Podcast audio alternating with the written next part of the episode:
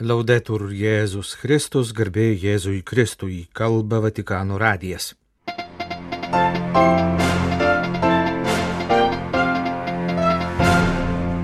Popiežius priėmė Vengrijos prezidentę. Dievo stilius tai atjauta ir švelnumas, sakė popiežius, susitikęs su seserimis vienuolėmis mininčiomis savo kongregacijos šimtasias metinės. Maisto švaistimas žmonijos gėda, sakė popiežiškosios gyvybės akademijos prezidentas dalyvavęs Čilėje vykusiame renginyje. Nigerijoje atgavo laisvę pagrobti kunigas ir seminaristas. Apie mokyklą Ukrainoje prie pat fronto linijos. Laidos pabaigoje kalbėsime apie jauną prancūzą, neįgalųjį, gaminantį krėslą, kuriame popiežius sėdės, kai rugsėjo gale atvyks į Marselį. Penktadienį, rūpiučio 25 dieną, popiežius Pranciškus priėmė Vengrijos prezidentę Katalin Novak, kuri vėliau susitiko su valstybės sekretoriumi kardinolu Pietru Parolinu bei valstybės sekretoriato skyriaus atsakinga už santykius su valstybėmis pasekretoriu monsinjoru Miroslavu Vahovskiu. Šventojo sostos spaudos salės oficialus komunikatas informuoja, kad per susitikimus visų pirma buvo prisimintas popiežiaus vizitas Vengrijoje šių metų balandžio 28-30 dienomis. Buvo taip pat aptartos kai kurios abiem šalims svarbios temos, tokios kaip šeima ir krikščioniškosios vertybės visuomenės gyvenime. Buvo taip pat kalbama apie karą Ukrainoje, ypatingą dėmesį skiriant humanitariniai padėčiai ir pastangoms užbaigti konfliktą. Galiausiai buvo kalbama ir apie religijos laisvę bei persekiojamų krikščionių padėtį pasaulyje. Žiūrėkite į brolius ir seseris pro konsekruotos ostijos padidinamą į stiklą, sakė popiežius Pranciškus seserims vienuolėms, priklausančioms Eucharistinio Jėzaus mokinių kongregacijai, mininčiai savo veiklos šimto metų sukaktį. Sono lieto di incontrarvi nel centenario di fondazione della congregazione avvenuta il 4 ottobre del 23. Ši kongregacija buvo įkurta 1923 metais spalio 4 dieną pietų Italijoje. Ja, pritariant ir skatinant vietos vyskupų, įkūrė dvi jaunos moterys, pasiryžusios tarnauti žmonėms kenčiantiems dėl pirmojo pasaulinio karo ir pokario metais siautėjusios gripo epidemijos paliktų žaizdų visuomenės gyvenime. Taip gimė seserys Eucharistinio Jėzaus mokinės, vargstančių tarnaitės, kurios dalyjosi kenčiančių žmonių sunkumais. Jų gyvenimo centre buvo Eucharistija, meilės sakramentas, vienybės ženklas, meilės ryšys, kaip moko Vatikano antrasis susirinkimas. Popiežius sakė, kad drąsiųjų kongregacijos steigėjų veikla ir malda labai greit sukėlė didelę pašaukimų bangą. Atsirado kitų moterų, kurios įsijungė į steigėjų pradėtą misiją. Jos skatino šeimų ir parapijų bendruomenių tikėjimą, steigė mokyklas, gaivino pamaldumą, padėjo daugybei žmonių, vyrų ir moterų, jaunuolių, suaugusiųjų ir pagyvenusių žmonių suprasti ir branginti savo žmogiškai orumą, kuriam anksčiau neleido deramai išsiskleisti nežmoniškos gyvenimo sąlygos ir aplinkinio pasaulio panieka bei abejingumas. Šiandien seserys Eucharistinio Jėzaus mokinės tęsia savo misiją penkiuose žemynuose. Ta pati tarnystė žmonėms reikalinga ir mūsų laikais, popiežius prašė, padedant spręsti dabartinius iššūkius, visada atsiminti pirmą pradį pašaukimą įkvėpimo savo veiklai, semtis iš Eucharistinio Jėzaus kontempliavimo. Atsiklaupusios priešais Jėzų Euharistijoje, mūsų mokytoje, kuris mums save dovanoja kaip duona ir kuris plauna mokiniams kojas, mokykitės jo žvilgsniu žiūrėti į žmonės. Imparate anche voi a guardare i fratelli attraverso la lente di ingrandimento dell'ostia consacrata. Žiūrėkite į brolius ir seseris pro konsekruotos ostijos padidinamą į stiklą, sakė Pranciškus. Nepamirškite, kad švelnumas yra vienas iš Dievo bruožų, kad artumas, atjauta ir gerumas yra Dievo stilius. Popiežiškosios gyvybės akademijos prezidentas arkivyskupas Vincenzo Palija rūpiučio 23-31 dienomis lankosi Pietų Amerikoje. Jo kelionės programoje numatyti susitikimai dviejose šalyse - Čilėje ir Argentinoje.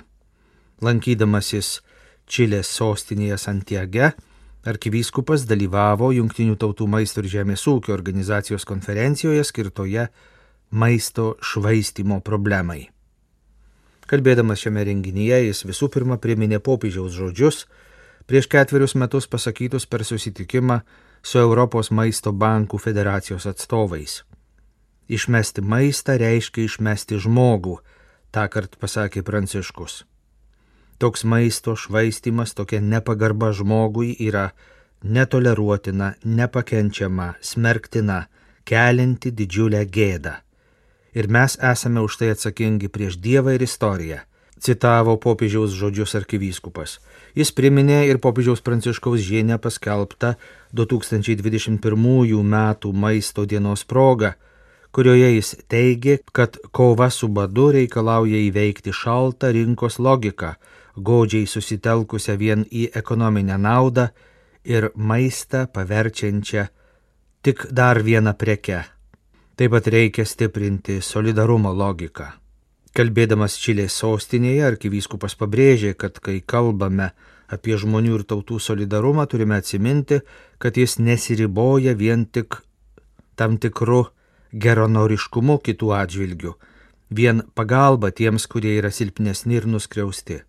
Solidarumas tai kur kas daugiau. Tai, kaip pabrėžė popiežius Pranciškus savo enciklikoje Fratelli Tutti, viena pamatinių vertybių, kuria remiasi visos žmonijos šeimos gyvenimas ir visa jos veikla, įskaitant ir ekonominę.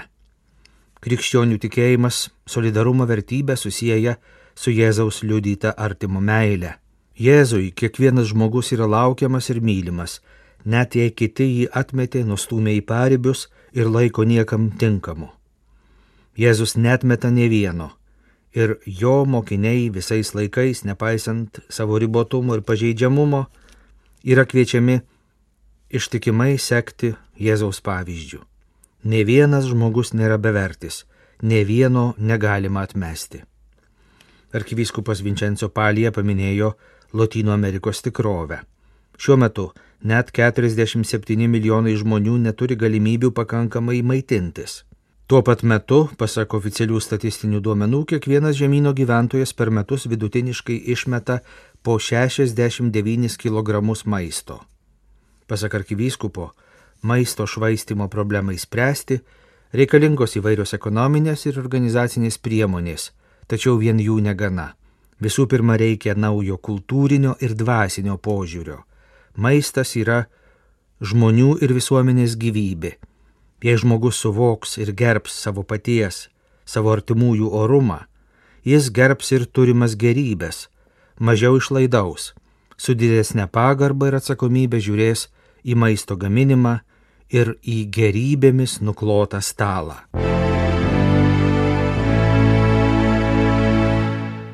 Po tris savaitės trukusios nelaisvės Nigerijoje buvo išlaisvintas Afrikos misionierių kongregacijos narys iš Malio Polas Sanogo ir seminaristas Melkioras Dominikas Machinini iš Tanzanijos. Šią žinę katalikiškai žinių agentūrai Fides patvirtino Afrikos misionierių kongregacijos vyresnysis Stanlis Lubungo. Pasak jo rūpjūčio antrąją pagrupti įkaitai buvo išlaisvinti rūpjūčio 23-ąją. Jie buvo pagrupti Nigerijos Minos viskupijoje, kur darbavosi misijose. 27 metų seminaristas tanzanietis atvyko padėti Afrikos misionierių kongregacijos nariui ir įgyti misijų patirties. Pasak tėvo Stanlio Lubungo, nors ir sukresti, pagruptieji yra geros veikatos.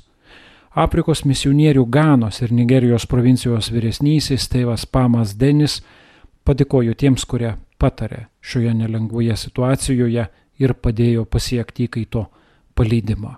Žinių agentūra Fides primena, kad įkaito dramos, įskaitant kunigų ir vienuolių, Nigerijoje tapo kone kasdienybė.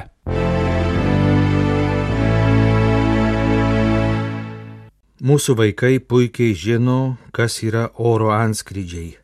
kas yra karas ir kokios jo pasiekmės. Vatikano radijui duotame interviu sakė Ukrainos Oskilo miestelio vidurinės mokyklos direktorė Natalija Zahoruiko. Oskilas tai nedidelis miestelis Harkivos rytyje, prie pat fronto linijos. Šešis mėnesius miestelis buvo okupuotas. Per tą laiką rusai išplėšė mokyklą, viską, ką galėjo išsivežė į Rusiją. Dabar mokykla vėl veikia. Jos veiklą pavyko atkurti pagalbos iš užsienio dėka. Gyventojų padėtis vis dar yra labai sunki, tačiau jie kuria atstatymo ir plėtros projektus ateičiai. Mokyklos direktorė pasakoja, kad pusę metų trukusi miestelio okupacija, per kurią neveikė mokykla, vaikams turėjo labai didelį psichologinį poveikį, paliko gilias žaizdas. Kai pasibaigus okupacijai imtasi mokyklos veiklos atnaujinimo, reikėjo visų pirma suteikti pagalbą traumos ištiktiems vaikams. Tėvai atsivesdavo vaikus ir sakydavo, darykite ką nors, mano vaikas nekalba, nenori bendrauti. Iš pradžių buvo manoma, kad į specialius užsiemimus susirinks apie 50 vaikų, tačiau jų susirinko apie 120. Per savaitę vaikai po truputį pradėjo bendrauti, pradėjo domėtis jiems pasiūlytomis veiklomis. Buvo dirbama ir su tėvais. Labai padėjo ir psichologas. Vėliau Padedant tarptautinėms organizacijoms, ypač fondui iš Milano, pasisekė atkurti ir visos mokyklos veiklą.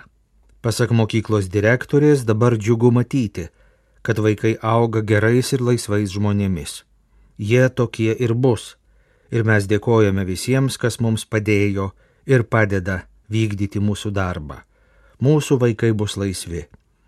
Mes su jumis būsime laisvi, sakė Natalija Zachorujko.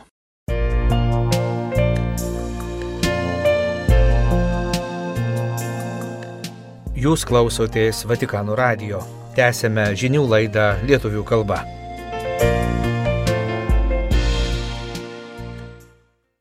Rengiantis kiekvienai popiežiaus kelioniai tenka pagaminti specialių tai progai ir kelioniai pritaikytų ar papuštų daiktų - rūbų, baldų, indų. Už šių gaminių autoriai neretai išsiskiria iš kitų savo sugebėjimais arba savo gyvenimo istorijomis. Rugsėjo 23 dienos popiežiaus vizito į Marseliją išskirtinį kreslą su ratukais gaminančio Polo de Livrono istorija yra viena iš tokių. Aš gerai žinau, ką reiškia sėdėti neįgaliojo vežimėlyje, sako 31 metų amžiaus Polas. Jis pats juo naudojasi nuo 2013 metų, o į vežimėlį po nelaimingo atsitikimo jį pasodino paraplegija, abiejų kojų paralyžius. Priešingai nei būtų galima pamanyti, jaunas vyras nėra patyręs amatininkas. Jis baigė pasakojimą Paryžiaus arkiviskupijos interneto svetainėje ir kitur paskelbtose interviu inžinerijos studijas ir nors visada jautė trauką rankų darbui su medžiu, jo ėmėsi visai neseniai. Pasak jauno vyro, iki konkrečių žingsnių atvedė kelios aplinkybės. Visų pirma, vis stiprėjantis jausmas, kad įprastiems ir standartiniams metaliniams neįgaliųjų vežimėliams trūksta ne vien patogumo, bet ir estetikos bei orumo. O 2019 metų vizitas Indijoje leido pamatyti, kad daugeliu tenykščių ligonių ir toks vežimėlis būtų prabanga palyginus su tomis priemonėmis, kuriomis jie naudojasi. Pasak Polo Delivrono, ši kelionė leido jam suvokti, kaip trūksta visiems prieinamų, gražių ir patogių vežimėlių. Tačiau ką gali padaryti jis, Paryžiaus pašonėje gyvenantis vienas žmogus? Kitas lūžio taškas buvo pandemijos laikotarpis, atėjęs įprastą gyvenimo ritmą ir paskatinęs sukti galvą apie tai, ką galima padaryti. Taip, tarp kitų dalykų gimė individualaus ir pagal poreikius pritaikomo vežimėlio žmonėms su negale projektas. O 2022 m. pavasarį Paulas pats pagamino pirmąjį jo prototipą iš medžio ir naudodamas paprastus instrumentus. Tada antrą ir trečią jau nedidelėse staliaus dirbtuvėse, kurias pats įsirengė. Labiau nei į neįgaliųjų vežimėlius jo gamintojai panašus į elegantiškus krėslus su ratukais, kuriuos jis pats pradėjo naudoti. Tuoj pat pajuto pasikeitimą, ne tik komforto, bet ir kitų žmonių žvilgsniuose. Pasak jo, važiuoti tokiu vežimėliu tai tarsi būti gražiai, šventiškai apsirengusiu. Bet, tęsė Polas, pagaminus keletą vežimėlių savo, prireikė iššūkio ir motivacijos. Galbūt galėtų pagaminti vežimėlį kažkam kitam, pagal jo sudėjimą ir poreikius. Tada atėjo drąsi mintis, kodėl ne popiežiui Pranciškui, kuris pastaraisiais metais taip pat naudojasi standartiniu neįgaliojo vežimėliu. Po kelių, galima sakyti, apvaizdos lemtų susitikimų Polas Delivronas 2023 gegužės mėnesį atsidūrė Romoje, bendrojoje audiencijoje, po kurios, sveikindamas audiencijos dalyvius, prie jo minutėje priejo ir popiežius Pranciškus. Šventasis tėve, esu prancūzų inžinierius, gaminantis medinius neįgaliųjų vežimėlius tokius kaip šis, kuriame sėdžiu. Mano tikslas - sukurti kokybišką neįgaliųjų vežimėlį nedidelių galimybių žmonėms Esu čia, kad paprašyčiau jūsų sutikti būti mano projekto globėju. Ir 2023 m. rugsėjį, kai atvyksite į Prancūziją, priimti jums pagamintą neįgaliojo vežimėlį. Paskubėjo ištarti Polas, įteikdamas popiežiui ir nedidelį rankoje telpantį savo vežimėlio modelį. Aš sutinku, pasakė jam popiežius Pranciškus. Gavęs šį netikėtą sutikimą, Paulas de Livronas ėmėsi įgyvendinti kitą užmųjų, jau glūdėjusi jo mintise. Krėslo popiežiui Pranciškui gaminime panaudoti nuo didžiulio gaisro nukentėjusių Notre Dame de Paris, Paryžiaus Dievo motinos katedros stogo konstrukcijų medį. Iš jo, pasak inžinieriaus, jis norėjo pagaminti krėslo ranktorius. Galima priminti, kad ekspertų vertinimais katedros stogui buvo panaudota apie 1300 didesnių ir mažesnių ažulų, kurie, jei auktų vienoje vietoje, užimto apie 21 hektaro plotą. Didžioji dalis stogo konstrukcijų siekia 13 amžių. Polas de Libronas paprašė būti primtas Paryžiaus arkivyskupo Loreno Ulricho, kuris pasak jo labai palankiai įvertino sumanimą ir padrasino. Tokiu būdu jo rankose atsidūrė du apdegę anglimis pasidengę katedros sijų gabalai. Pasak Paulo, jų panaudojame galime išvelgti daug simbolizmo.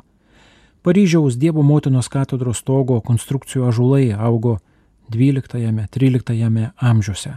Tuo laikotarpiu, kai gyveno ir šventasis Pranciškus Asižėtis, iš kurio popiežius pasiskolino vardą ir įkvėpimą kalbėti, kaip kad enciklikoje Laudatusi, apie mūsų bendrus namus, planetą ir apie gamtos dovanas. Šilumą skleidžiantis medis yra viena iš tokių. Kitas svarbus simbolinis akcentas - apanglijusi medžio sija, katedra nusiaubusios nelaimės liudininkė bus centimetras po centimetro nuvalyta ir taps kito, naujo daikto dalimi, įgys kitą funkciją, pradės naują gyvenimą. Panašiai, audrų krečiama bažnyčia Prancūzijoje nori žvelgti į ateitį su viltimi.